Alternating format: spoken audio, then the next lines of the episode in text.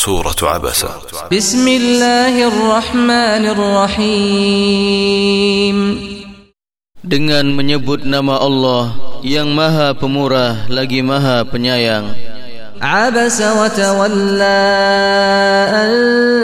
ja'ahu al-a'ma. Dia Muhammad bermuka masam dan berpaling karena telah datang seorang buta kepadanya. وما يدريك لعله يزكى أو يذكر فتنفعه الذكرى Tahukah kamu barangkali ia ingin membersihkan dirinya dari dosa. Atau dia ingin mendapatkan pengajaran Lalu pengajaran itu memberi manfaat kepadanya.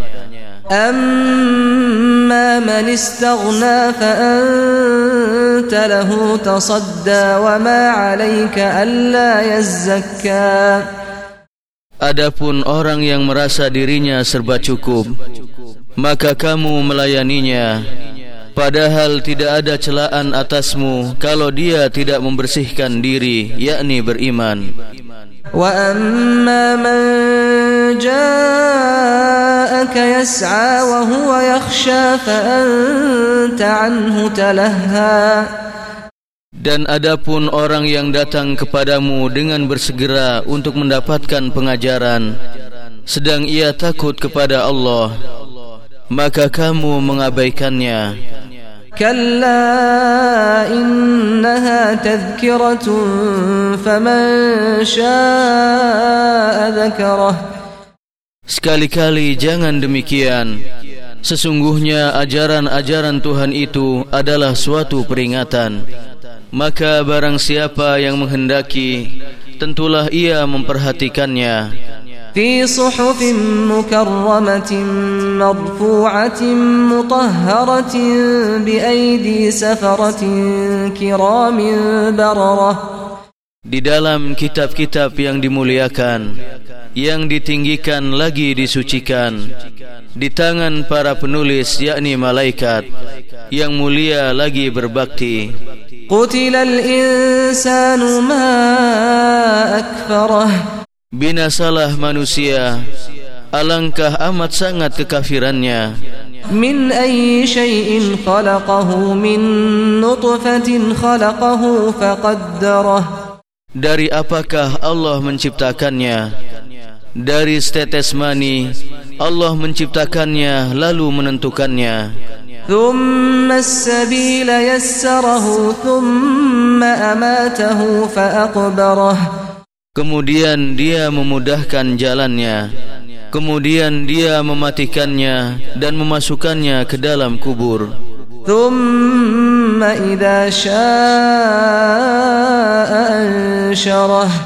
Kemudian bila dia menghendaki Dia membangkitkannya kembali.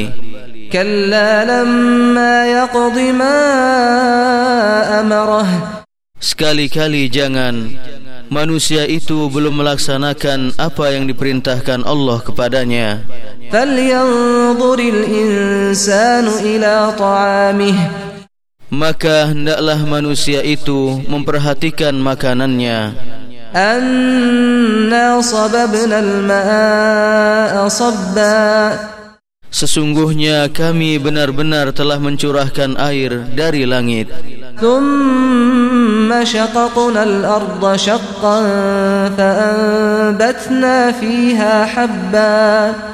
Kemudian kami belah bumi dengan sebaik-baiknya.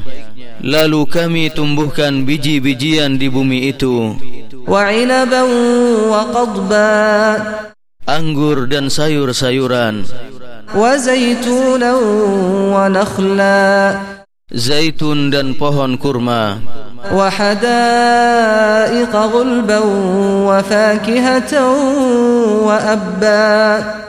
kebun-kebun yang lebat dan buah-buahan serta rumput-rumputan. Untuk kesenanganmu dan untuk binatang-binatang ternakmu. فَإِذَا جَاءَتِ الصَّاخَّةِ dan apabila datang suara yang memekakan yaitu tiupan sangkakala yang kedua يوم يفر المرء من أخيه. Pada hari ketika manusia lari dari saudaranya. Wa ummihi wa abih dari ibu dan bapaknya. Wa sahibatihi wa banih dari istri dan anak-anaknya. لكل امرئ منهم يومئذ شأن يغنيه Setiap orang dari mereka pada hari itu mempunyai urusan yang cukup menyibukkannya.